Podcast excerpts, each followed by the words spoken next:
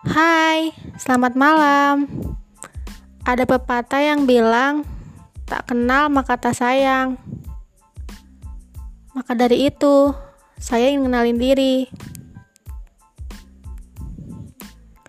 Podcast ini dibuat karena hobi saya tuh ngoceh terus.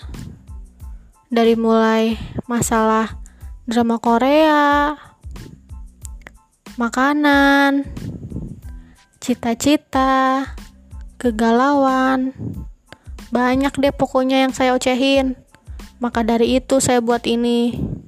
Saya harap podcast saya tuh bisa didengar dan menyenangkan buat banyak orang.